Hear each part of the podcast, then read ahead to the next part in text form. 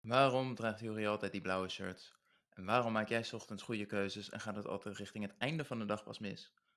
Ik wil het met je hebben over wilskracht en keuzevermoeidheid. Maar eerst heb ik je hulp nodig. Je luistert naar de Gezond en Fitcast en eh, mijn doel voor de komende 12 weken is om het aantal abonnees te verdubbelen. Dat betekent dat ik jouw hulp heel hard nodig heb. Als het me namelijk niet lukt, heb ik eh, als consequentie voor mezelf staan om eh, zeven dagen lang een blikje tonijn te eten. En als je me een klein beetje kent, ik ga ervan over mijn nek. Dus alsjeblieft, bespaar mij die tonijn. Abonneer je als je dat nog niet hebt gedaan. Ken je mensen voor wie de podcast waardevol is? Stuur hem door. Laat hen zich abonneren. Help mij. Red mij. Altijd maar die blauwe shirts, behalve om te sporten. Dan is het precies hetzelfde shirt, maar dan zwart of grijs. Wat is daar nu eigenlijk de reden achter?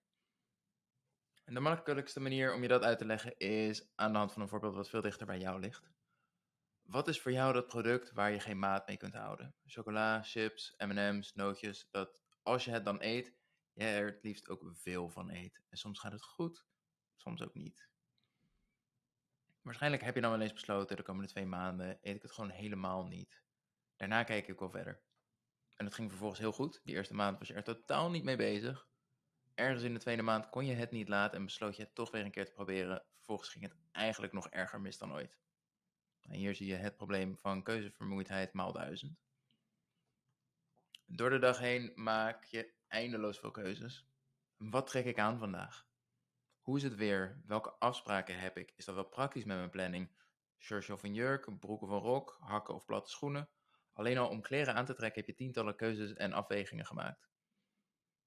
En aan het begin van de dag is dat niet zo'n probleem. Je hebt nog volop energie. Maar na een werkdag van duizenden keuzes thuiskomen en de keuze maken of je chocola eet of niet, en of je één blokje eet, drie of twintig. Daarom vinden de meeste mensen het makkelijk om het helemaal niet te eten. Dan is de enige keuze die je hoeft te maken: ga ik het eten of niet? Of nog beter, ga ik de afspraak met mezelf nakomen of niet? Ben ik betrouwbaar of niet? En als die chocola niet eens in huis is, dan is dat ook nog eens een hele bewuste en confronterende beslissing als je hem maakt. Dan moet je bewust naar de supermarkt, de schappen door, met het gevoel dat iedereen naar je kijkt omdat jij je afspraak niet nakomt met jezelf. Pijnlijk herkenbaar plaatje wat ik hier schets, geen zorgen, er is hoop. Keuzes maken kost energie, wilskracht. En wat er bij de meeste mensen gebeurt, is dat die wilskracht al opgaat aan totaal irrelevante keuzes. En daardoor niet beschikbaar is op de momenten dat je het echt nodig hebt. Je staat iedere dag op en gaat iedere avond naar bed. Daar ga ik wel vanuit en dat hoop ik heel erg. Toch spreek ik dagelijks vrouwen zonder ochtend- en avondroutine. Ze kijken iedere keer weer wat er moet gebeuren, plannen dat een beetje in en voeren het uit. All over the place, want ze vergeten dingen of er komt nog wat extra's bij waar ze niet op hadden gerekend.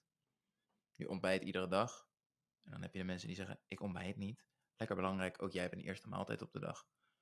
Waarom denk je iedere dag na over wat je eens zal gaan eten? Je denkt er iedere dag over na, maar als we naar de afgelopen maand kijken, was het waarschijnlijk 95% van de tijd exact hetzelfde.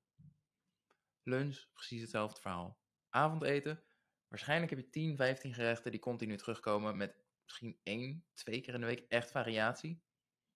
Waarom plan je dat niet gewoon zo in? Kleding, kun je de avond van tevoren kiezen met het laatste beetje energie wat je nog hebt. Dan ben je er vrij makkelijk over, dat klopt. Want hè, je, je bent wel een beetje klaar met de dag, nog even snel kleding uitkiezen en dan is het wel goed zo. Maar daarmee bespaar je dus wel de kostbare energie van de dag erna. En je hoeft echt niet iedere dag in blauwe shirts te lopen zoals ik. Mag wel. Maar stop met keuzes maken voor dingen die er niet toe doen. Vervolgens is het tweede stuk om de juiste keuze makkelijk te maken en de moeilijke keuze lastig. En hier is heel veel vrijheid in. Geen uh, one size fits all. En voor de ene is een oplossing om te zeggen: ik hou gewoon geen chocola in huis. Als ik het wil, ga ik ervoor naar de supermarkt. En uh, fruit zet ik op tafel. Misschien zeg je: ik zet mijn wandelschoenen bij de deur. En de afstandsbediening van de telefoon, van de telefoon, afstandsbediening van de televisie ligt bovenin in een kastje. Zodat als jij met jezelf afspreekt, ik wil eigenlijk na mijn werk eerst gaan wandelen voordat ik televisie kijk, of na het avondeten eerst gaan wandelen voordat ik televisie kijk, zorg je dat die wandelschoenen gewoon al klaar staan. Televisie heeft best een drempel, zodat je heel bewust de keuze moet maken. Ik ga nu niet mijn afspraak nakomen, ik ga niet wandelen. Ik ga de moeite doen om een stoel te pakken, die afstandsbediening, zodat ik erbij kan en tv te kijken. Wij hebben bijvoorbeeld altijd, altijd makkelijk eten in de vriezer liggen. Zodat we nooit in de situatie komen dat we eten afhalen uit gemak. Die momenten waar ik liever voor, als ik echt ergens zin in heb. En niet, er moet gegeten worden en we hebben niks anders in huis, dan maar bestellen. Ofwel, beperk je keuzes over de hele dag één en maak de juiste keuze de makkelijkste. Doe me een plezier. Laat een recensie achter op Spotify. Dus dit is uh, niets anders dan even naar het hoofdmenu van de Gezond en Fitkast gaan en uh, klik op 5 sterren. Tenzij je het natuurlijk helemaal niks vond, dan moet je ook geen 5 sterren geven. Maar wat doe je hier dan nog? Hey, tot de volgende aflevering weer. Hoi hoi.